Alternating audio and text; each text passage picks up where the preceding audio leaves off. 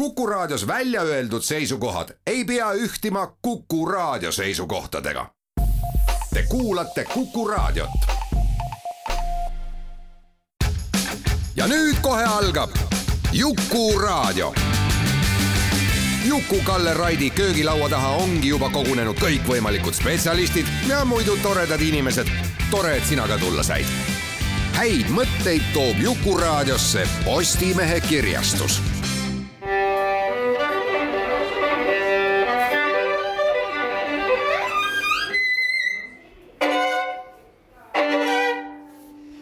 Laku panni.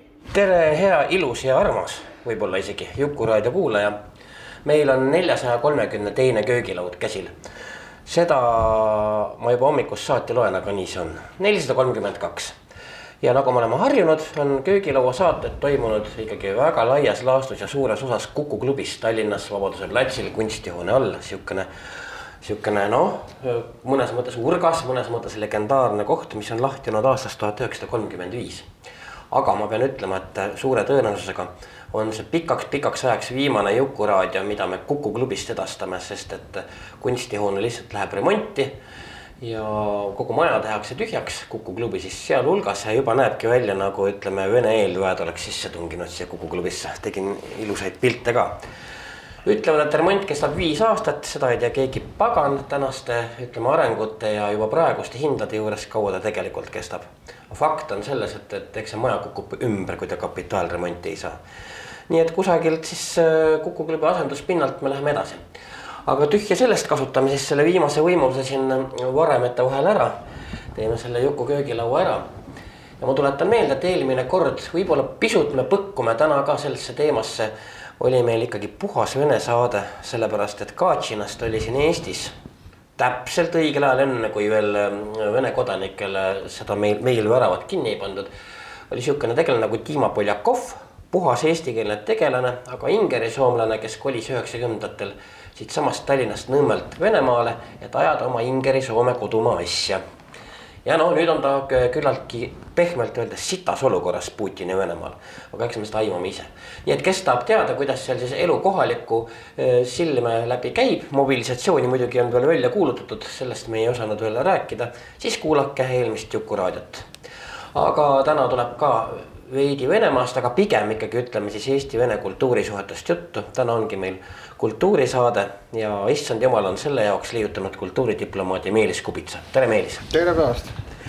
no kõigepealt me räägime sellest, mis toimub homme, sellepärast ühest homsest tähtsündmusest me hakkame nüüd juttu kerima. me räägime mentorlusest, mida, mida me oleme ka enne siin teinud, aga selliseid lugusid võib alati üle korrata ning jõuame kindlasti ka siis kõikvõimalikku kultuuri, ka sellesse kultuuri osasse, mis siis puudutab eh, siinseid eh, venkusid.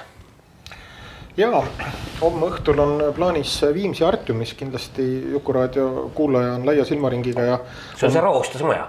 ja ta ja et ta on küllap on kindlasti ta on kuulnud, aga küllap ei ole kõik veel jõudnud.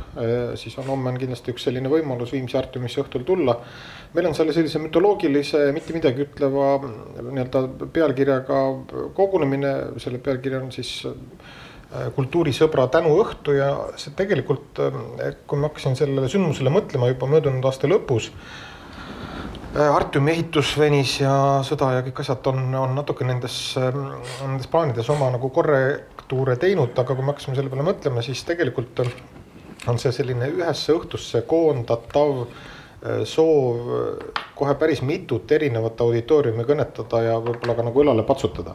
et ühelt poolt äh, meil on seal hiilgav akadeemiline programm, meil on Eesti kõige nooremad, Eesti noored ja kõige säravamad hetke klassikalise muusika tähed. Hans Christian Aavik ja Karoliin Aavik ja Marcel Johannes Kits ja, ja, ja kontratenor Martin Karu ja Hans Christiani vend Henri Christopher Aavik on pannud kokku enam kui kolmekümnest Eesti noorest muusikust, kes õpivad Euroopas parasjagu koosnev orkester ja see on üks selline tõeline maiuspala, mida Eestis väga vähesed inimesed on ainult ühe korra näinud. ja, ja teiselt poolt see õlale patsutamine laieneb mõnele meie nagu sellisele no juba tuntud ja ennast pehmelt öeldes mitte tõestanud, aga aga väga selgelt oma, oma väga olulise panuse kogu Eesti elu arendamisse andnud kultuuriühiskonna tegelasele. tahame seal ka natuke tunnustust jagada ja, ja, ja siis me tahame ka tegelikult kultuuri toetajaid, selliseid meie esimesi väikseid Eesti metseene või sinnapoole liikuvaid Eesti ettevõtjaid natuke tunnustada nagu läbi rambivalguse. ja, ja Rahvusringhääling on lubanud kogu selle loo homme seal üles võtta, sellest tuleb Eesti Televisioonis kaks erisaadet äh, Põhikanalil ja ETV kahes. nii et kes homme ei jõua Viimsi Artumisse, saab sellest ilmselt või vähemasti tal tekib võimalus sellest osa saada. nii et äh, palju asju, palju asju toimub ja, ja, ja, ja ka see roostes maja, nagu sa ütlesid, et. no ta näeb välja nagu roostes maja. ta, ta seest ei ole nii roostes, ta on uus. selles mõttes tegelikult äh, ma arvan, et Viimsi valla edulugu, et kui sa mõtled Viimsi valla peale, siis mis sulle ette tuleb, sulle tuleb ette tegelikult üks äh, natuke ennast täis söönud härrasmees, kes on virutanud, eks ju, äh, valla maksumaksja tagant mingi järgmise krunstüki, eks ju. et, äh, et noh, Viimsi vald ajalooliselt läbi Kirovi kolhoosi Äh, siis jõukuse on olnud selline, selline, selline noh, väga atraktiivne koht erinevatele poliitilistele otsustajatele, ma pean silmas pigem üheksakümnendaid, nullindaid. jah, äh, seal on ikka niisuguseid majasid, mille kohta võib täiesti rahulikult öelda idioodi fantaasia, aga need ajad kipuvad ju ilmselt üle minema. ja et, et see on, see on, see on natuke, see ongi eilne päev ja ma tegelikult arvan, et Viimsi vald viimasel viiel-kuuel aastal no ütleme nii, et, et kindlasti ajaloo, see on üks fantastilisemaid otsuseid, see Artiumi rajamine. sest Artium sai valmis noh, praktiliselt vahetult enne seda, kui see metsik turbulents, hinnaturbulents, ehitusturul inflatsioon eks ju siia kohale jõudis, et tegelikult ta on ikkagi kohaliku omavalitsuse poolt ise rajatud neljasaja viiekümne seitsme kohaline kontserdisaal, kammersaal, black box ja mis kõige olulisem, noh vallaelaniku vaates et ta katab ikkagi ära vallaelaniku laste huvid huvihariduse näol, et äh, muusikakool ja kunstikool on seal sees. ma ei kujuta ette, millal järgmine Eesti omavalitsus äh, mingisuguse analoogse projektiga nagu julgeb välja tulla. me Saaremaal siin ju ajame kodanikualgatuse korras ühte sellist, äh, sedasama sellist Saaremaa võimalikku kontserdimaja küsimust, meil on ju olemas Ain Ankir ja meil on Saaremaa ooperipäevad nagu potentsiaalne ankurrentnik, aga. aga need on väga valulised, äh, valulised protsessid, need on pikad ja see on igavene küsimus ka sellest kultuuri, kultuuri nagu rahapoti sees jaotatavast siis betooni ja, ja siis yeah. sisu küsimusest, eks ju. et kas sisu lükkab kellut või vastupidi, Saaremaal Saaremaal üritame, et sisu lükkab kelluta, aga, aga ilma kelluta ka päris ei saa. no meil on kippunud see asi minema tihtipeale sinna, et, et kui me mõtleme kultuuri, siis mõtleme uusi betoonrajatisi, et no, kahjuks. ja nõus, aga ega vaata ilma betoonita sa ei saa. ei saa, lageda taeval on raske. ta tuleb, see betooni osakaal tuleb ju millest, et meil on meil on kulka, vist isegi seadus on selline, et, et kulka kogub päris palju hasartmängu ja alkoholitarbijate raha, eks ju. ja see on, see otsus on üheksakümnendatel tehtud, see on olnud hea otsus. kultuur seeläbi on olnud osaliselt noh, päris hästi rahastatud, aga seal on hästi selgelt ka selle raha jagamise osas sihtotstarve ette nähtud ja üks see sihtotstarve on siis need riiklikud tähtsad kultuuriobjektid. et kas tahad või tahad, midagi ehitama peab, eks ju. ja siis, kui, kui midagi hakatakse ehitama, siis selge, selge see, et seal on väga palju kirgi, aga noh, see selleks. Viimsi vald sai sellega ise hakkama ja müts maha nende otsustajate eest tõesti, kes, kes seda omal ajal tegid? Ja, aga sa korraks mainisid ka seda metseenlust tõepoolest, et kunagi, kui me siin päris eh, pikalt pajatasime sellest, terve Juku-raadio jao, siin oli ka Heiti Hääl, kes siis kamandab sihukest äh, kütusekäitis nagu Alexela. ja me pajatasime just sellest, et mil moel äh, võiks eraettevõtja pihta saada, et noh, et üleüldse temaga parim, ütleme ärikeskkonna garantii, üleüldse ka riiklik julgeoleku garantii on kultuur tegelikult, siis on mille eest seista. Ja siis olid sa küllaltki lootusrikas, minu meelest oli see sellesama aasta alguses, kui me sellest pajatasime või oli eelmise aasta lõpp igal juhul siis olid see veel küllaltki salapärane kultuuridiplomaadile kohaselt mm. ja ma saan aru, et, et neid ettevõtjaid, kes ühel või teisel moel on tegelikult käed kultuuri toetamisele, mis tegelikult laiemalt on riigi toetamine mm., sest noh, ma ei tea, me võime ju lugeda põhiseaduse paragrahvi ühte. et, et, et kes ei jäta seda ainult ütleme riigi või, või noh, maksumaksja asjaks üldisemalt, vaid on nõus lisaks spordile jah, ka kultuuri toetama, et neid on ikkagi kogu aeg juurde siginenud. On muidugi siginenud, sellepärast et äh, no kolmkümmend üks aastat, eks ju, juba tänaseks täis ikkagi Eesti taasiseseisvumise hetkest meie oma, omaenda, mitte kellegi teise poolt suunatud, täitsa ise teeme seda riiki, eks ju, ja, ja ma arvan, Eestis ikkagi väga tugev kodanikuühiskond, loomulikult osa sellest kodanikuühiskonnast on virtuaalne, ta on aheldatud noh, riiklike mittetulundusühingute külge, riiklike selles mõttes, et mittetulundusühingud ise on suveräänsed justkui, aga kuna on riiklik rahastus, siis see suveräänsus natukene hajub, aga noh, tervikuna ma arvan, et äh, kodanikuühiskonnaga päris hästi. Ja seda me näeme tegelikult erinevate noh, kus sa näed tegelikult äh, seda väga, väga ilmelt, näed siis, kui on häda käes, eks ju. häda tuli noh, sel aastal oli viimane kord muuseas, kui me siin, kui, me Heitiga siin käisime, siis me rääkisime sellest pai kampaania võtmes, sellest oli umbes poolteist aastat tagasi. see, see oli nagu selline pseudohäda tundus tol hetkel väga suur, me kogusime raha siin tervishoiutöötajate toetuseks, jagasime kaarte. õige, see oli, see oli Covid. just Covid, aga noh, täna me näeme, et see oli kõik, see oligi Covid, eks ju, see oligi sõna otseses mõttes nohu on ju. et täna, täna on meil sõda ja see sõda on esile kutsunud nagu selle eestlases, selle Eesti kodanikus selle selle poole, et kui ta näeb, et õpetaja maja jõuluõhtul põleb, eks ju, siis tegelikult see ehitatakse järgmisel päeval annetustega üles. ehk siis, kui on vaja Ukrainat toetada ja see selge seos Ukraina toetumisel, toetamisel ja meie iseseisvuse tagamisel on noh, ka kõigil justkui nagu arusaadav, et siis tegelikult inimesed on, on lahked. nüüd kultuuri toetamine on selline loomulikult ju palju pikema visiooniga, meil ei ole selles mõttes siin dramaatikat. me ei ole, me ei tee vähiravifondi, me ei päästa inimeste elusid. et äh, see on palju pikem vaade, aga, aga ma toon sulle väga hea näite siin möödunud möödunud reedest ERSO hooaja avamine ja ERSO avas hooaja Erkki Sven Tüüri äh, uue, uue teosega, tema, mis kujunes tema kümnendaks sümfooniaks.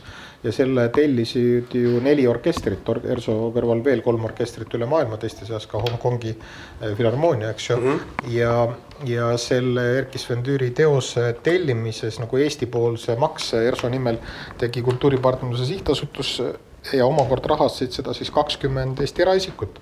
et tegelikult viissada eurot per nase ei võta paljudel inimestel tükki küljest ära, küll aga nii mõnegi inimese jaoks on see esimene nagu noh, võib-olla mitte esimene, aga, aga võib-olla selline nagu teadlik otsus Äh, üldse saali tulekul või kontserdsaali juures asjade ajamisel, et, et sa osaled nagu heliloomingu tellimisel, see.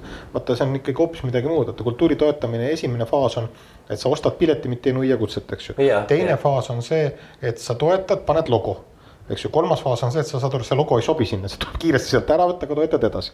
et on ju, et küsimus ei ole logos, küsimus on ikkagi selles emotsioonis, mida toetaja saab. ja järgmine faas võiks tegelikult noh, muusika puhul seesama sama heliloomingu tellimine olla, sellepärast et täna on meil need meie oma heerosed. ühte ma nimetasin, eks ju, Arvo Pärt sinna kõrval, et noh, meil on need oma heerosed, meil on need oma orkestrid oma dirigendid ka kõik siin olemas.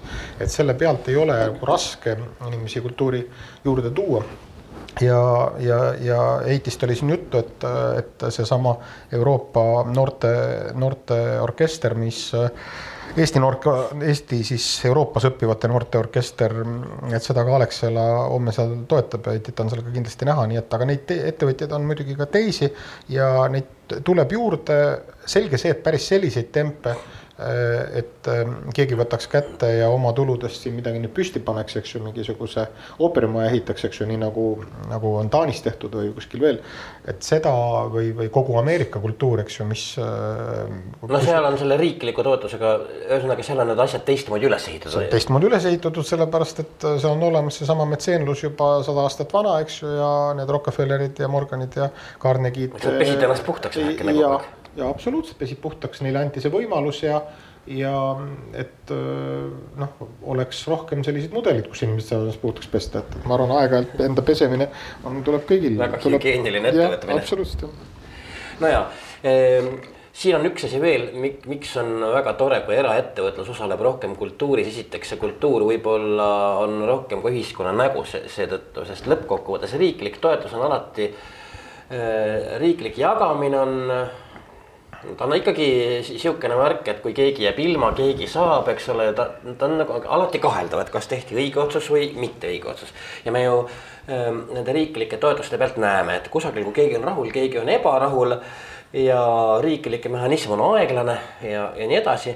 nüüd, kui äh, tuleb eraettevõtja ja toetab üht või teist asja, siis ei saa keegi kobiseda, seepärast et tal on võimalus toetada seda, mida tema peab prioriteetseks ja ongi väga vahva. sa jõudsid väga huvitava teemani, et miks, miks see erasektor siin peab rohkem kaasa lööma ja minu meelest on see, et me kipume vahel ise nagu ka kobisema, kui näiteks ütleme, et Eesti ees seisavad mingid põhimõttelised valikud või me näeme, et midagi on korrast ära, kuskil on mingisugune eetiline kriis näiteks ja me, meil on mingisugune arvamus või ootus, et äh, meie kultuuriheerosed või, või, või inimesed, kellel oli hästi oluline roll näiteks kaheksakümnendate lõpus, üheksakümnendate aastate alguses, eks ju, laulva revolutsiooni ajal, see loomeliitude pleenum mitmed muud sellised algatused, kus, kus ju tegelikult kultuuriinimeste ja niisuguse vaimse eliidi eh, roll iseseisvuse taastamisel oli ju üli-ülioluline ja on mingi arusaamine jäänud, et kui sa oled nagu lähe, hakkad üle tee minema ja sa ei tea, kas minna vasakule või paremale, et siis justkui peab see mütoloogiline eriklass, eks ju,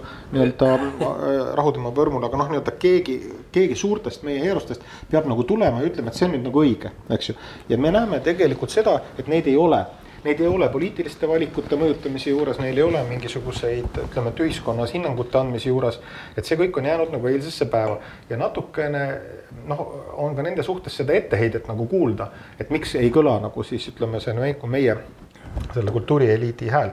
ja nüüd, miks ta ei kõla, on väga lihtne põhjus, et kui äh, seesama tuntud dirigent äh, teeb omanimelist või mingisugust muud juba väga selgelt enda nimega seotud festivali ja saab sellelt, selle eest linnalt riigilt, mis iganes eelarverea pealt saab. ta paneb ennast natuke karpi, paratamatult. ta ei pane ennast natuke karpi. ta, ta on, karp, ta on karbi sees, kaanad peal ja ta eeli-eeli sealt näeb, eks ju, seda dialoogi kuskilt avalikkuse ja rahastajaga.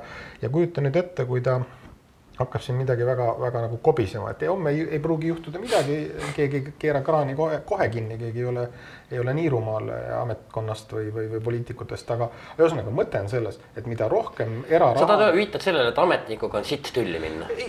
tead, ma isegi ei taha, ma ei taha, ma ei sa ei taha nii drastiline ei, ma ei taha drastiline olla, sest ma näen väga paljusid positiivseid trende sealsamas nendes ministeeriumides, asi ei ole nii hull, see on sihuke ta on sihuke sisemise tsensuuri küsimus. võib-olla ei olegi asi nii hull, sest inimesed igaks juhuks nagu ei ütle. aga kuhu ma tahan jõuda, on see, et kui meil on rohkem eraraha kultuuri juures, siis needsamad heerosed ja üleüldse kultuuritegijad saavad rohkem vabadust ja nad saavad rohkem ühiskondlikus debatis osaleda. ja kui nad saavad ühiskondlikus debatis osaleda, me saame kvaliteetsema ühiskonna. me saame nagu, vaata, meil on ju täna, mis on nagu, mis on suur väljakutse, meil kõik erakonnad on teinud oma meediumid EKRE-l on oma häälekandja, Isamaal on oma häälekandja, eks ju.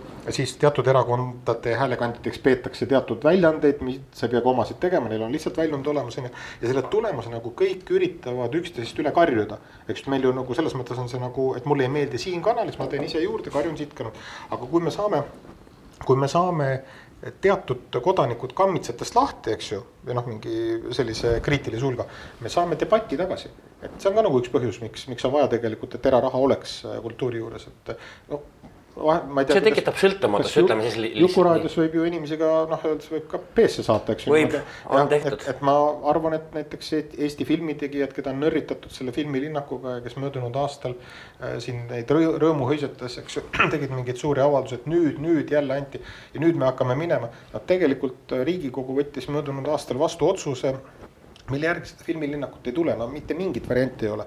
otsuse alusel yeah,, yeah. seal on nüanss, eks ju, see on see tõesti, kui nüüd Tallinna linn tuleb. Äh, Nad tekitasid seal... mingi väga imeliku edetabeli. ja, aga oli võimalus ka seda teha teisiti ja tegelikult filmitegija täna, autoriteetne filmitegija peaks saatma sinnasamusse, eks ju, aga ta ei saa saata, sellepärast et ta ikkagi loodab, ta loodab, et kuskilt tuleb see Tallinna linna sildfinantseerimine, eks ju, me saame selle lõpuks tehtud, aga tegelikult on lollitatud päris palju.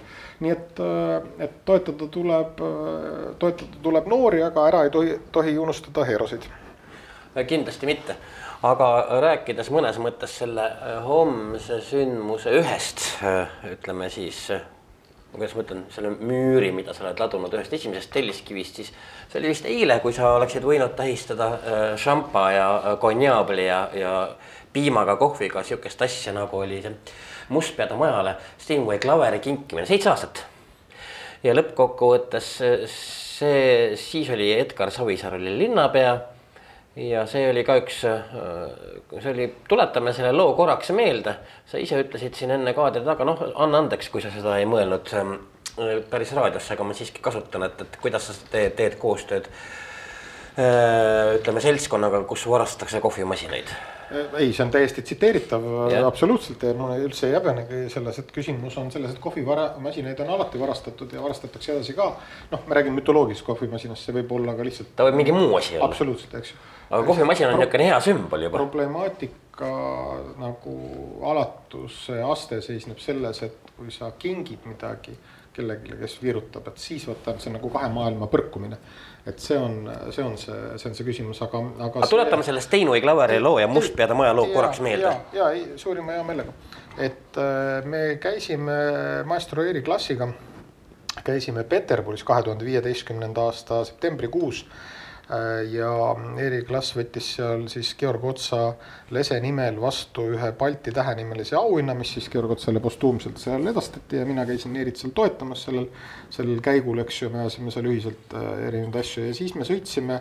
nüüd ei julgegi enam ausalt öeldes, ma arvan, et see on juba natuke kriminaalne käik, eks ju, aga loodetavasti sellest ongi täpselt seitse aastat möödas, võib-olla on aegunud. äkki nad sind ei pane kinni, tahad öelda, jah? ja ei, kui tahavad, ma arvan, kõigil on tänaseks päevaks selge, et kui on olemas tahtmine, siis pannakse sind ka, eks ju, me saame koos ja, ja mitte ainult meie.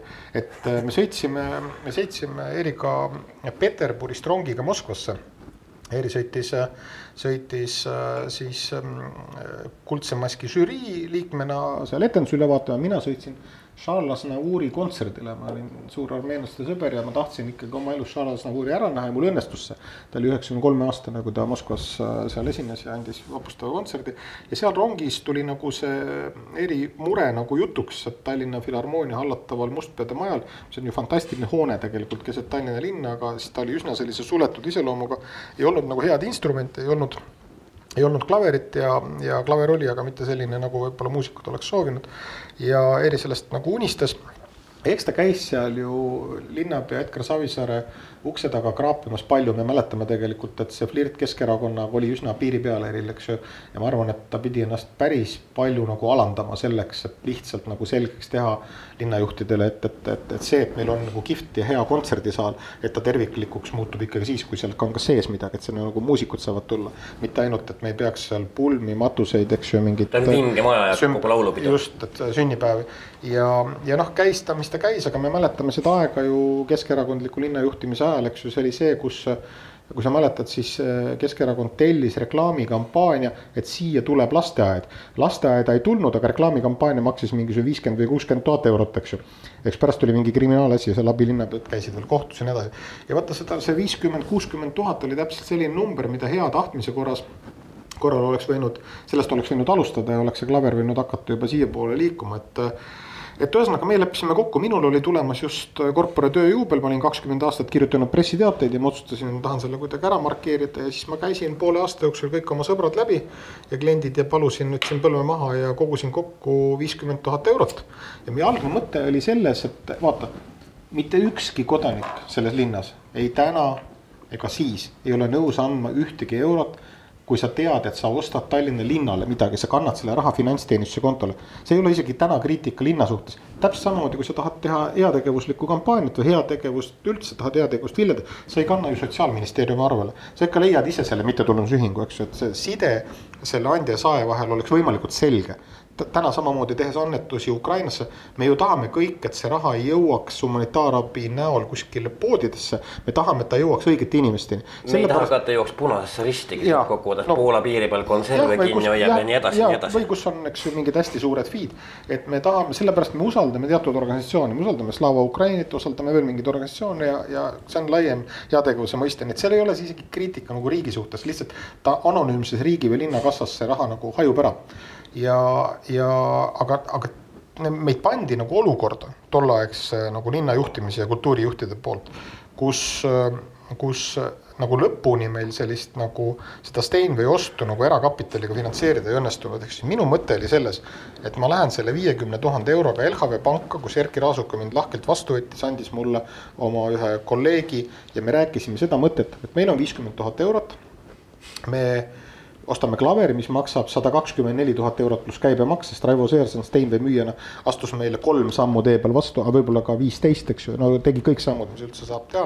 siis talle see väga meeldis, et inimesed korjavad sõna otseses mõttes saja euro kaupa raha ja tal ei olnud ka nagu noh, südant, et võtta sisse noh, mingisugust täiendavat nagu katet, eks ju. et me võtame selle, ostame klaveri ja ma leppisin kahe Eesti tuntud suurettevõtjaga kokku, et me anname selle klaveri linnale rendile sümboolse hinna eest see klaver jääb sihtasutusse Mr X, mille me Eri Klassiga koos asutasime ja juhul, kui see äh, sihtasutus ei suuda seda laenu teenindada, eks ju, pangale, siis need kaks, ei, need kaks suurettevõtjat yeah. äh, jäävad vastutavaks panga ees, nemad klaarivad pangaga ja nemad omakorda klaarivad minuga. et noh, see on siis juba minu asi, nagu au küsimus, et see klaver hakkab ka teenima. selle tulemusena Tallinna linn, Mustpeade maja oleks saanud enda kasutusse tasuta klaveri järgmiseks viiekümneks, ma ei tea, ütleme, et mulle on räägitud, et Steinway eluiga on noh, selline viiskümmend aastat, nüüd nähes seda pilli eile, eh, kus on seitse aastat sellest möödas, ma usun täiesti, et see viiskümmend võib olla, see võib olla ka ilmselt noh, palju rohkem. et ta on hiilgavas korras, et ta on nagu väga hästi ka hooldatud, et tal on tõesti väga pikk perspektiiv. aga mõte oli siis selles et eh, läbi selle, et see klaver hakkab seal tööle, tehakse kontserte, makstakse elementaarset viisakat renti, aga Tallinna maksumaksja ei pea maksma nagu sentigi tegelikult. meil on üks tingimus et lepingus peab olema fikseeritud, et see klaaver peab olema Mustpeade majas ja teda ei tohi viia Linda Kivi keskusesse, Vene Kultuurikeskusse, igal Keskerakonna suvepäevadel ja kuskile veel, eks ju, nii edasi. nii et see oli see mõte, aga see on keeruline mõte, Juku. see on väga keeruline, sellepärast kui sa lähed rääkima inimesega, kellel Pole on midagi just, keerulisemat kui lihtne mõte. kellel on taskus juba see Tauno Kangro skulptuur on tal juba taskus, eks ju. Eh, pastakas on tal ka ära virutatud, mille talle eelmine külaline tõi koosolekule, eks ju, ja ta vaatab, kiikab sinna mütoloogilise kohvimasina poole, tal kiilub kinni noh, tal kiilub kinni, siin ei, siin midagi ei klapi, aga kus siis see teie huvi on, et kus, kus, kus siis see teie asi on. ja vaata, see on keeruline ja loomulikult noh, eks sellele oli ju siis ka äh, Edgar Savisaar, äh, keda, kelle, keda ma ei taha kuidagi mingisuguses, mingis liigses patus süüdistada, see oli see aeg, kui Savisaar poliitikast hakkas väga ära kukkuma, tal oli väga eksistentsiaalne tervise, tervisemure, eks ju, eks tema ei suutnud ka seda kontrollida. Ja noh, oleme ausad, ega mina ka temaga sellest ei rääkinud, eks ju. nii et ühesõnaga lõpp hea, kõik hea, äh, kuna Eri oli väga raskelt haige tol hetkel juba, siis äh, kõik, äh, kogu oma egoloksud sai alla neelatud, sai kantud annetajate raha viiskümmend tuhat eurot Tallinna finantsteenistuse kontole, eks ju, noh pisar silmanurgas, eks ju. Telleriga koos arutasime seda asja, ta ütles, et ta tunneb seda maja, ta saab aru, kui oluline see on, aga kas neid asju ikka nii peab tegema. Ja minu ainus eesmärk ja noh, ma arvan, kõigi annetajate nagu aktsept oli seal taga, et Eri Klass näeks selle klaveri tulemise ära ja kui see tingimus on see, et me teeme seda siis nagu Tallinna linnaga koos, et Tallinna linn siis nagu, et ta loobub siis sellest laenust, eks ju, nii-öelda meie loobume sellest laenust. ja linn pani siis sada tuhat, noh linn ei loe, linnal ei ole probleemi, lihtsalt maksid kakskümmend tuhat üle, eks ju, plaksti. eks ju, ja, ja panid ja nüüd on ta siis Tallinna linna kas bilansis või Filharmoonia bilansis see oli selline aeg, täna on Tallinna Filharmoonia muutunud, täna on linn muutunud päris kõvasti. ja, ja mul ei ole noh, mingit kobinat, aga ütleme niimoodi, et ma esimesed neli, ma arvan, et ma ikkagi neli aastat vist Mustpeade majas ei käinud, et selles mõttes oli ikka valus valus nagu minek, eks ju, et äh, aga see tolleaegne Tallinna linna kultuuri juhtimine, sa mäletad seda aega väga hästi. no kõik, kõik, kõik, äh, nii Linnateater kui Tallinna Loomaaed kui teised äh, Tallinna nagu kultuuriameti alluvuses olevad institutsioonid olid ju püsti hädas, eks ju, seal olid ikka väga karismaatilised daamid, kes, kes seal nagu möllasid, on ju. aga lõpp ja kõik ja nii, et Steinway teenib Eesti muusikavaluks nüüd juba seitse aastat ja tulles tagasi veel annetajate juurde, see oli siis äh, sada seitsekümmend kaheksa annetajat. sada seitsekümmend kaheksa erinevat inimeste organisatsiooni ja noh, väga-väga kirev äh, nimekiri ja väga-väga-väga sümpaatne, väga esinduslik nimekiri, nii et, äh, et noh, nii, nii suurettevõtjad kui täitsa tavalisi kodanikke, eks ju. kahekümne, kolmekümne euro kaupa, nii et, et noh, selles on see tugevus muidugi vägev, me teeme korraks ühe pausi, Jukuraadio neljasaja kolmekümne teine saade on, Meelis Kubits on siin ajendas äh, meid seda saadet tegema esiteks punkt üks. Homme Viimsis selles majas, mis on väljas äh, roostest disaini tõttu, sees ei ole.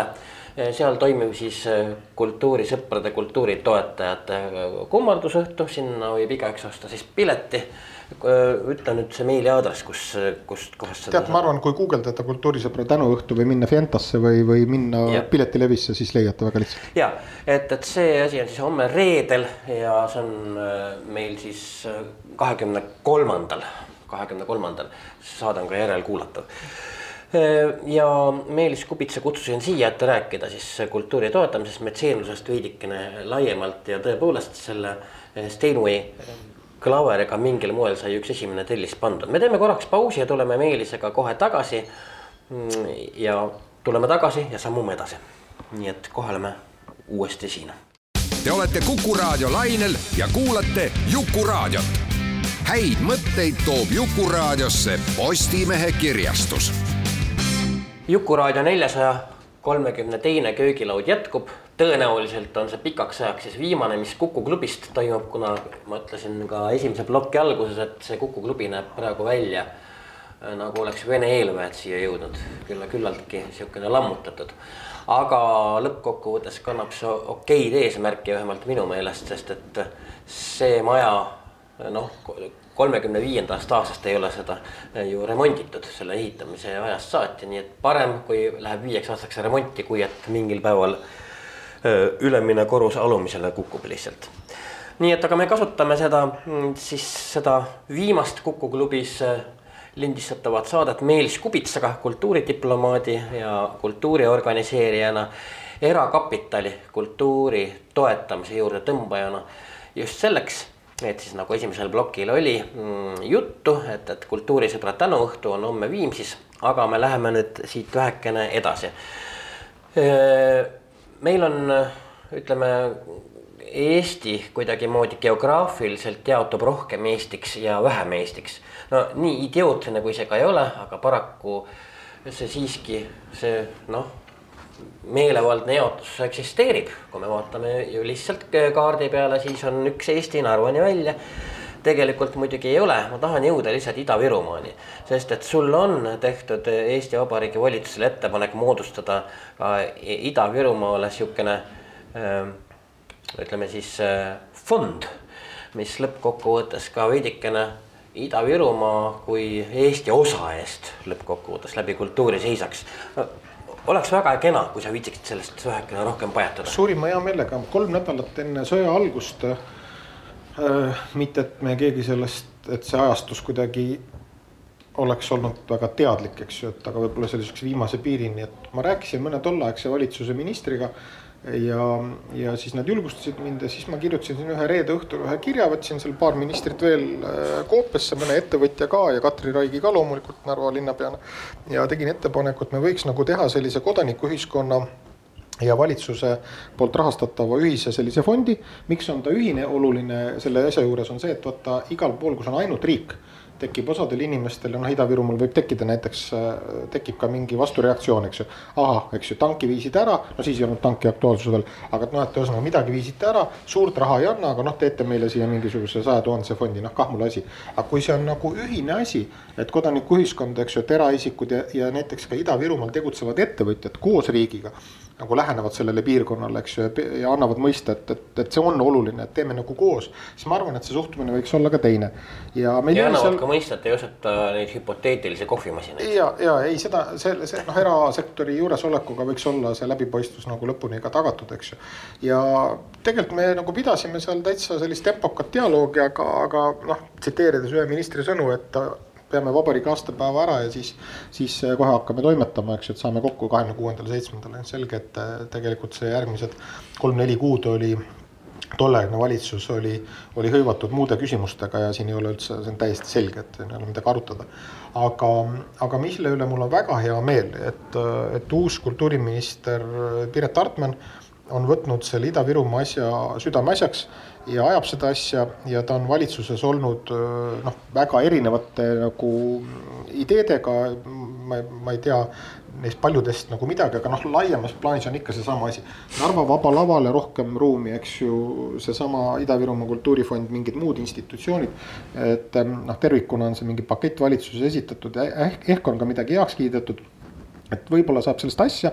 Ja ma arvan, et see on nagu oluline asi, sest Reformierakonna noored ministrid peavad nagu mõistma ühte asja, et et sellega, et tank ära viidi, sellega nagu probleem ei, ei, ei, ei noh, et seda probleemi nagu ei elimineeritud, et see küsimus ei ole mitte kuskile kadunud. ja veel kord, mina ei taha nagu parafraseerida siin Lauri Läänemetsa, kes ütleb, et noh, et, et viisime tanki, ehitame haiglat, see ei, need on kaks erinevat asja. küsimus on ikka. see oli selles... minu meelest äärmine no, lollus. see oli jah, halb, halb, ma arvan, et tal isegi võib-olla see mõte, et ma, ma saan sellest mõttest hästi aru. see mõte on tegelikult Juku-Kalle väga lihtne. see mõte on see, et, et noh, sel ajal, kui hakkame jälle kaheksandat sükut ehitama Tartu kesklinna kui tuleb jälle mingisugune Tartu haritlaste punt ja ütleb, et et meie peame saama oma viienda korteri kuuendasse tuppa äh, täpselt samasuguse armatuuri, nii nagu on meil kardinad, sellist värvi peame saama. Ja Narvas ei ole sooja vett, noh, ma mõlemalt poolt utreerin. aga siis ei ole vaadake mitte mingit vahet, et see kuuli nagu kiiruse liikus, kuuli, kuuli liikumise kiirus, see on, see on ikka sama, et see, see ikka jõuab ikka samal hetkel, eks ju, et selles mõttes Narvast äh, Tartusse. et noh, kui me ei hoolitse oma piirilinnade eest, et vaata, saarlane äh, võib elada, saarlasena ma ütlen seda teadlikult, eks ma, ma ei ütle, et saarlane peab elama halvasti, saarlane peab elama väga hästi, kõik Eesti elanikud peavad elama hästi. aga, aga, aga Narva, Ida-Virumaa ja Kohtla-Järvest me muuseas üldse ei räägi, vaata, me räägime nagu hüppama kuidagi üle, me hüppame sinna kohe Narva. aga Ida-Virumaa elanik, ta peab elama paremini kui keskmine Eesti elanik väga lihtsal põhjusel, et nad on piiri ääres. Neil ei ole nagu, nad ei vaata tõtt, eks ju, nii nagu saarlane vaatab merele, eks ju, ja, ja otsib, otsib äh, siiapoole paadiga ulpivat rootslast, et see on et Narva seis on nagu teistsugune ja me peame sinna pöörama rohkem tähelepanu, just tähelepanu. seda enam, et kolmkümmend aastat oli see enam-vähem no, nullilähedane no, no viimane suur tegu tegelikult, kui me jätame Helen Sildna ja Allan Kaldo ja Märt Meose noh, hiilgavad festivalid ja, ja sealoleku Äh, välja. viimane suur tegu oli Indrek Tarandi poolt referendumi ärahoidmine, mistõttu ma annan Tarandile kõik asjad, Indrek võib välisministeeriumi eest tuikuda, välisministeeriumi taga, sees, mitte mingit vahet ei ole, ma arvan, Tarandi roll Eesti ajaloos on, korvamatu, ta, ta, tal õnnestus äh, see referendum, mil Ida-Virumaa taheti Eestist eraldada, õnnestus just, lihtsalt just, nurjata. ja, ja, ja, veel kord, et kõik, kes äh, tahavad teda lintšida, need peavad arvestama sellega, et peavad mõtlema väga tõsiselt oma elu üle järele, mida nad on korda saatnud, et ma arvan, et Eesti territoriaalne terviklikkus on selle, selle noore mehe poolt noh, olnud väga hästi kaitstud omal ajal otsustavatel. sa unustasid ka ühe asja, mis, mille, mida võib veel kangelastegude nimekirja kirjutada, on Katri Raigi pussitud Narva kolledž muidugi. ja ei noh, loomulikult vaata minu kogu see viieminutine monoloog selle Narva teemal oli ju täis mingisuguseid võimendusi ja teadlikult utreeritud noh, mingisuguseid tsitaate, selge see. ja lõppkokkuvõttes kõik need inimesed seal ka Irene Käosaar ja Katri Raik ja neid inimesi on seal palju, eks ju, ja kes on Narva Stationiga kaaskorraldajad Heleni juures ja nii edasi. aga noh, üleüldine mõte on see, meil on seal vähe riiklikke investeeringuid ja ma ei taha kuulata seda nagu see hakkab oksele ajama natukene, et aga nad ei oska eesti keelt ja nad on seal sellised. no kana või muna selles mõttes, eks ju, et, et, et oleme, tunnistame ka ise, et Reformierakonnal ja Isamaaliidul ei ole selles piirkonnas olnud kunagi valijaid. ja mis kõige hullem, nad on mingil hetkel otsustanud, et neid valijaid ka ei tule, ehk siis nad ei tegele sellega. ja kui neil ei ole seal valijaid, siis järelikult sinna raha ei anta. et see on olnud tegelikult nagu Ida-Virumaa nagu küsimus, eks ju. ja on kuidagi nagu tekkinud mingi arusaamine, et on nagu meie ja nemad ja nüüd me olemegi tegelikult jõudnud sinna meie ja nemad olukorda, aga seda ei tekitanud need inimesed seal kohapeal see on tekitatud valitsuse väga teadlike, erinevate valitsuste väga teadlike otsusega, mäletad, me sellest rääkisime sellel Vaba Laval, eks ju, siin paar kuud tagasi. selles debatis, et ei ole vot olemas sellist asja, et on olemas mingi mütoloogiline riik. ei, need on konkreetsed inimesed, kes valitsuse istungil ütlevad, ei sinna me ei anna ja sinna anname Need on väga konkreetsed inimesed ja selles mõttes tuleb asju nimetada oma nimedega, mina väidan, et Ida-Virumaa tervikuna selle olukorra eest vastutavad Reformierakond, Isamaaliit ja nende juhid nendel aastatel kuni tänase päevani välja, kui te inimesed lambad ei saa sellest aru et, et, et, et kui te alandate seda piirkonda, siis tegelikult noh, te alandate nagu kogu Eestit, eks ju, ja meie, meie niigi habras äh, iseseisvus on, on, on palju rohkem nagu löögi all, eks ju. me võime lõpmatult rääkida, mida seltsimees Putin on, kas ta on hulluks läinud või mitte hulluks läinud ja nii edasi, aga kui meil on kakskümmend viis protsenti inimesi Eestis, kes nagu reaalselt äh, toetavad äh, sõda Ukrainas, ju siis ka nagu potentsiaalset agressiooni Eesti suhtes, eks ju, siis see on kellegi tegemata töö. see on kellegi tegemata töö siis on kaks varianti, kas sa integreerid või saadad välja. noh, mõlemad on jäetud tegemata. nii et hakkame kuskilt otsast nagu minema, ma ei ole nõus sellega, et ei või nagu valitsust kritiseerida. või et, et noh, mis me siin ikka kive loobime, kuulge sellest, kui me ei tunnista vigu, siis nad hakkavad korduma. Eesti on saanud Ida-Virumaa kontekstis, me oleme saanud kolm kollast kaarti. jalgpallis kahega saadetakse välja, esimene oli pronksöö, järeldusi ei tehtud, teine oli Krõmnas, tehti üks järeldus, asutati ETV Pluss nüüd on siis kolmas olukord, eks ju, ja ikka meil on nagu noh, neljandik elanikkonnast puhtakujulised vatnikud. nii on, see on äh, kurb, aga ähm, räägime nüüd hästi täpselt, mis, äh, mis peaks olema see, millega peaks tegelema see valitsuse ja eraettevõtluse ütleme koostööorganisatsioon täpselt. minu noh, jah, organisatsiooniks on palju nimetatud, ma arvan, ta peaks no. olema muidugi võimalikult bürokraatiavaba. vaata, minu mõte oli see, kui ma siin enne sõda valitsusele kirjutasin, et mitte, et ärme tee nagu sellist noh, mingit uut rahapada, mida hakatakse lihtsalt laiali jagama, eks ju. vaid ta võiks olla sihtotstarbeliselt ähm, selline fond, mis on suunatud äh, Ida-Virumaale suurürituste, suursündmuste toetamiseks. et vaata, äh, kui sa oled nii, nii Eestis, Eesti produtsendid, aga võtame sellise noh, ma ei tea, sa oled mingi Saksa produtsent ja sul on sihuke äge, äge vend, eks ju, sa ei taha seal Münchenis teha, seal on Oktoberfest, see on nagu muuseum, seal on igav. sa tahad mingit nagu tahaks teha mingis lahedas kohas mis on lahe koht, Narva on lahe koht, eks ju, kui sa, kui sa vaatad maailmakaarti. nii, sa tahaks teha mingit lahedat teatrifestivali ja me ütleme, tule tee Narvas, tule tee Kohtla-Järvel ja me anname sulle kakskümmend tuhat, kolmkümmend tuhat, palju sa tahad. me anname sulle siit fondist selle toe, et sa saad hakata oma programmi valmistama, sa saad teha, tuua siia häid esinejaid, eks ju, sa saad ja sa saad tuua ka nagu välisajakirjandust kaasa. et see on see mõte, et et kui tekivad mingid uued muusikafestivalid, teatrifestivalid mingid kunstiprojektid, tehke siin, tehke Kohtla-Järvel. sellega sa saad, tood mida, sa tood kultuurituristi, sa tood uut raha, sa tood rahvusvahelist tähelepanu. et vot see oleks see nagu mõte, et mitte, et me nagu jagame olemasolevate vahel ümber, eks ju, et äh, tuua uut. täpselt samamoodi Narva Vabaduse festival või, või, või Narva Station või mis iganes, noh, kõik karjuvad tegelikult nagu selle uue mingisuguse toetuse järele. et, äh, et selline sihtotstarve, jah, et me ei lähe vaata selle fondiga, me ei lähe kommunaalarveid maksma, me ei lähe inimestele inimestele palka maksma. et palga maksmine jääb tegelikult riigi ülesandeks, et ükski eraettevõtja kunagi tegevuskulusid katma ei jaksa, ei hakka, eks ju, see on, see on paratamatus.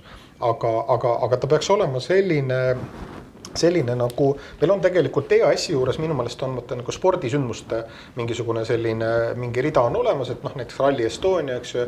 kuigi Rally Estonia Eestis on vist juba minu arust see on mingi ministeeriumi tasemel otsus. ma olen täitsa vale inimene, kellega.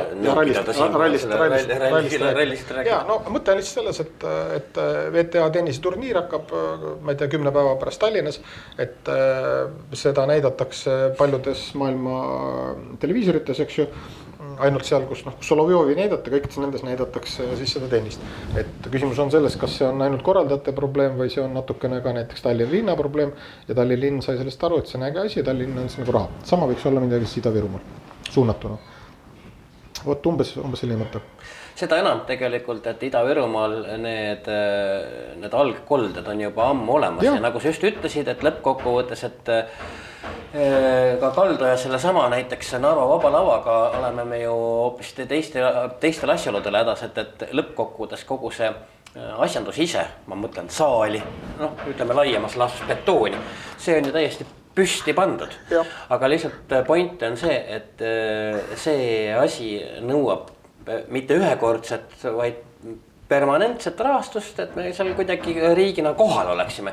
ja kusjuures kõige lahedam on see, et, et võrreldes siin hästi suurte eh, kõikvõimalike kultuurimajadega ei ole see eh, teab mis, need ei ole. Eh, need ei ole üldse müstilised summad kaugeltki. ei, see on jonn, see on ainult jonn ja ma läheks veel kaugemale, haridusminister on pakkunud välja, et ja see ei ole uus idee, et, et õpetajad, kes lähevad Ida-Virumaale et nad võiksid saada rohkem palka kui õpetajad, kes ei lähe Ida-Virumaale, piltlikult öeldes, eks ju.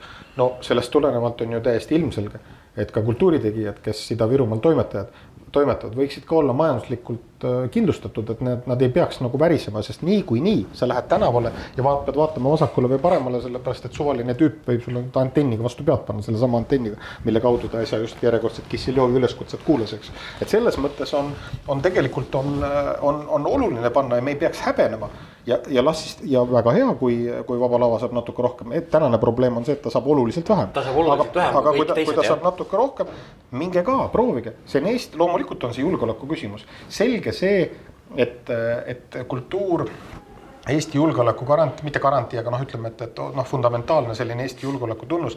selge see, et need on ilusad sõnad, selge see, et kui hakatakse pomme nagu viskama, nii nagu visati Kiievi peale, eks ju, kahekümne neljanda hommikul, eks ju, ja on visata, see on laienenud üle, üle kogu Ukraina riigi. selge see, et noh, pommid võidavad laulu, aga, aga muusika hoiab vaimu. et täna öösel vahetati välja Azovstali vange eks ju, see Urod Medvedtšuk anti vastu yeah. ja noh ma nägin seal mingeid videosid äh, ja, ja noh, ma nägin neid inimesi tagasi tulles, mida nad esimesena tegid, eks ju, et nad ikkagi noh, ikkagi läbi oma laulude, eks ju, keegi veeretas seal vaikselt, eks ju, et nad ilmselt nad elasid ka selle võib-olla üle ja võib-olla mul on, ma võin siin öelda eetris Valgevene äh, diktaator seda ei kuule, et äh, minu poole hiljuti pöördus üks inimene läbi äh, läbi Valgevene tuttavate, seal on üks äh, kaheksaks aastaks, äh, no tegelikult ei möödu nädalatki, kui Valgevenes praegu ei mõistetaks äh, vangi neid inimesi, kes käisid demonstratsioonidel kaks aastat tagasi. või kirjutasid siis, kirjutasid siis, siis artikleid, eks ju, mis on nüüd tänases mõistes antud neile noh, kaheksa aastat, üksteist aastat ja nii edasi, üks tütarlaps, kes ajakirjanikuna sai siis suvel oma kaheksa aastase vangistuse kätte, siis tema kumiir Äh, oli, on Juri Ševtšuk, eks ju, ja sinu ja minu hea, hea noh, ütleme ka, kui mitte sõber, siis vähemasti hea tuttav. no hea kamraad igatahes. ja, ja, ja, ja, ja, ja oli teada, et, et, et kui Juri midagi kirjutaks või midagi ütleks, et siis, siis, siis see aitaks tal seal üksikkongis natukene jälle lihtsamini nagu päevi õhtusse veeta ja me saime Jurilt äh, sarsi ja, ja foto ja head sõnad ja, ja mitte, mitte sellised head, nagu seal Medvedjev käis Krimmis ja ütles, et teenik netu diržitesse, eks ju, vaid, vaid natuke rohkem. ja, ja see jõuti sellele, Katja Andreeva on selle ajakirjaniku nimi, väga tuntud inimene, jõuti see edasi anda ja, ja noh, kui ma seda tagasisidet nägin, siis ma võin noh kinnitada, et noh, kõik inimesed, kes olid selles nii kirja autor, vahendaja, saaja kui mitmed inimesed, noh, selge see, et see oli üks pisarates lugu. aga noh, need on nagu asjad, mis hoiavad tegelikult seda moraali üleval ja noh, tulles tagasi Ida-Virumaa juurde, siis, siis loomulikult me ei saa, me ei saa sõjalise agressiooni vastu, mis loodetavasti meid ei puuduta, aga, aga me peame, me peame nagu vaimu hoidma ja, ja eriti seal, kus selle vaimu hoidmise, vaimu hoidmine täna on nagu täitsa nagu mingi kangelastegu ja, aga selle vaimu hoidmisega on ka üks asi, et äh, meil on tekkinud Eestis äh, selliseid äh, saari, ma just tuletan meelde, on siin Philipp Lossi elik siis Vene Draamateatri äh, juhi juhtumit, kes lõppkokkuvõttes kirjutas ju ka oma äh, kusagil sotsiaalmeedias midagi taolist, et tal on nagu, talle käib pinda, kuidas eestlased suhtuvad äh, vene inimesesse ja siis ikkagi konkreetselt, konkreetselt võrdles seda äh, siis ütleme Natsi-Saksamaa ja na eh, selleaegsete sakslaste suhtumisega juutidesse no,. No, mis on ju täiesti idiootne no,. hirmus lugu, hirmus lugu. sina ju eh, tundsid seda Philipp Lossi väga hästi ma, ammu enne, kui ta oli ja, eh, Vene draamades kunstile nihuta. ja kahe tuhande kaheteistkümnendast aastast ma Philippi tean, sest ta töötas Moskvas teatriskoolas Savremenni pjesi, mille juht ja asutaja oli minu hea sõber Odessast pärit Jossif Raichel Kaus, kes kolm kuud tagasi koos äh, kelle teat-, kes vabastati samal päeval, kui sisuliselt suleti ka Gogol Center, nemad olid need yeah. kolm, kolm äh, sellist teatri otsust, mis puudutasid suuri tegijaid siin Moskvas, eks ju. ja, ja ma Philippi tean aastaid, me oleme seisnud Navalnõi miitingul koos Tallinnas, ma arvan, et noh, jälgides tema sotsiaalmeediat, mul ei ole absoluutselt mitte mingit kahtlust tema nii-öelda meelsuse osas. ja ma arvan, et see postitus oli, oli noh, kõigi jaoks mitte lihtsalt ebameeldiv üllatus, vaid see oli, see ei pane nagu seda isikut tegelikult kokku, mis, mis nüüd tema nagu sinna nagu viis. ja nüüd ma tahan jõuda selleni, et meil on tegelikult keset Tallinna linna, meil on Vene teater, mida juhib ukrainlannast direktor, kes vabastas venelasest, venemaalasest, Vene kodakondsusest, kodu, kodakondsusega venelasest kunstilise juhi. aga kogu selle õnnetus ei ole mitte ukrainlanna ja venelane, vaid on eestlane, kommunist Jaak Allik. on, on Vene teatri nõukogu esimees kahe tuhande kahekümne teisel aastal, juhin tähelepanu, see ei ole kaks aastat peale Moskva olümpiamängu, tuhat üheksasada kaheksakümmend kaks. sel kevadel pidi Vene teatris toimuma konkurss kunstilise juhi määramiseks, leidmiseks. Jaak Allik otsustas seda konkurssi mitte teha. vabandust, mille. see on kunagi, hämmastav, et see Allik siiamaani kamandab seda asja. mille õigus, millise õigusega ei kuulutatud välja avalikku konkurssi kunstilise juhi määr-, leidmiseks see on, see on vastuolus seadusega, ma, ma arvan, ka mingi teatri põhikirja ja nii edasi, edasi. et kuidas Jaak Allik seletas seda pineva rahvusvahelise olukorraga. kuule, pinev rahvusvaheline olukord ei luba siis meil saiepoest osta või tööle minna, naljades, sinu töö on leida kunstiline juht. ja see, et, et tol ajal ministeerium Tiit Terik oli siis kultuuriminister, et nad vaatasid läbi sõrmede sellele asjale ja sellel asjal lastakse juhtida ja juhtuda. ja mul on tegelikult ka teatri avalikkusele noh, laias, laiemas mõttes ka nagu küsimus. kuule, kuule te, teil üldse mitte kedagi teist ei ole nagu panna nagu siis äh, teatri kogukond. sinu poolt palju kiidetud Hartman, meie kultuuriminister. Äh, mind hämmastab see, et, et kuidas ei suudeta aastatepikku ühele Jaak Alliku sugusele vanale kommarile lihtsalt sokki suhu panna. probleem on väga lihtne, et äh, Jaak Allik on olnud ju vaata nagu tsiteerides tema nimega Jaak Printsi eks ju, NO teatrist, eks ju. on olnud ju selles NO suurepärases etenduses äh, omal ajal, eks ju, oli Ühtne Eesti luges ju Jaak Prints ette kõik parteid, kus Jaak Allik on olnud liige ja, ja selgus ka, et kõik erakonnad, kus liige ta on, kas likvideeritud või ära keelatud, eks ju. Siis ta ei olnud veel sotside liige. noh, mure on loomulikult selge, et, et paljud sotside poliitikud äh, on olnud ju Jaak Alliku otseses sellises noh, kuidas ma ütlen, sellises mentorluse all, alluvusvahekorras, eks ju, et see, see on, see on, see on nagu suur probleem, aga okei okay,, noh, ma arvan, et ta on nüüd luksunud kõvasti, et aga noh, probleem on selles, et, et jälle me jõuame selle suveräänse kodanikuni, et, et noh, tegelikult teatriringkondadel on ka ise, et mi, miks te lasete, eks ju, miks te lasete, et noh, muusikarahvas ei, ei, ei, ei lase delegeerima, ei delegeeri enda poolt, eks ju, isikuid teatud nõukogudesse või, või, või kulkassegi näiteks. Jaak Allik on muuseas kulka nõukogu liige, Mart Laar, Mart Laari vahet, vastu vahetati välja, kui ma ei eksi kus on Mart Laar Eesti ajaloos ja kus on Jaak Allik. tahan tuletada meelde üheksateistkümnendal augustil tuhande üheksasaja üheksakümne esimesel aastal, kui kogu maailm jälgis väga pinevalt, mis saab, eks ju, kas üldse midagi saab. Ei osalenud Jaak Allik Eesti iseseisvuse taastamise poolse eelnõu hääletusel, vaid oli Ugalas proovis enda jutu järgi. et noh, selles mõttes nagu minu arust tema teened Eesti Vabariigi ees on noh, nullilähedased, eks ju. aga, aga samas tšinovnik käib ringi ja otsustab asju. masendav aga meie neljasaja kolmekümne teine köögilaud on läbi, Meelis Kubits, me kordame üle kogu basic info kahekümne kolmandal elik homme reede õhtul Viimsis äh, toimuva. Äh, ja Viimsi Artiumis alates kuuest hakkame rahvast vastu võtma ja, ja kellele piletihind käib üle jõu, leidke mind või Juku-Kallet üles kuidagi Google'i kaudu ja võtan teid ja kallistan, lasen teen ukse ise lahti. okei okay., äh, aitäh sulle, Meelis siin oli, mille üle mõelda ja, ja mitte ainult ei hoia pöialt, vaid tegelikult äh, ka kõik äh, vähegi, ma mõtlen küllaltki sital ajal mingil moel vastupidavad äh, eraettevõtjad. Katsume siis ikkagi käituda nii, et, et meie kultuur toimiks ka betoonist ja riigi suvast ja, ja Jaak Allikutest sõltumatult. ja lõppkokkuvõttes tõepoolest, et sellel alal oleks dialoogi, mis aitab meil lihtsalt alles olla nii et aitäh sulle jah. ja aitäh, aitäh kutsumast. nii, ma arvan, et see oli siis viimane Juku-raadio äh, Kuku klubis.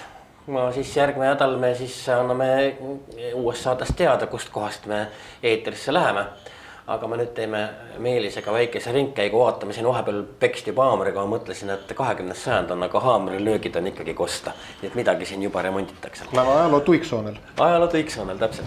Eh, Meelis Kubitsale veel kord aitäh, meie kohtume järgmine nädal neljasaja kolme, kolme, neljasaja kolmekümne kolmandas Jukuraadio köögilauas. olge kuuldel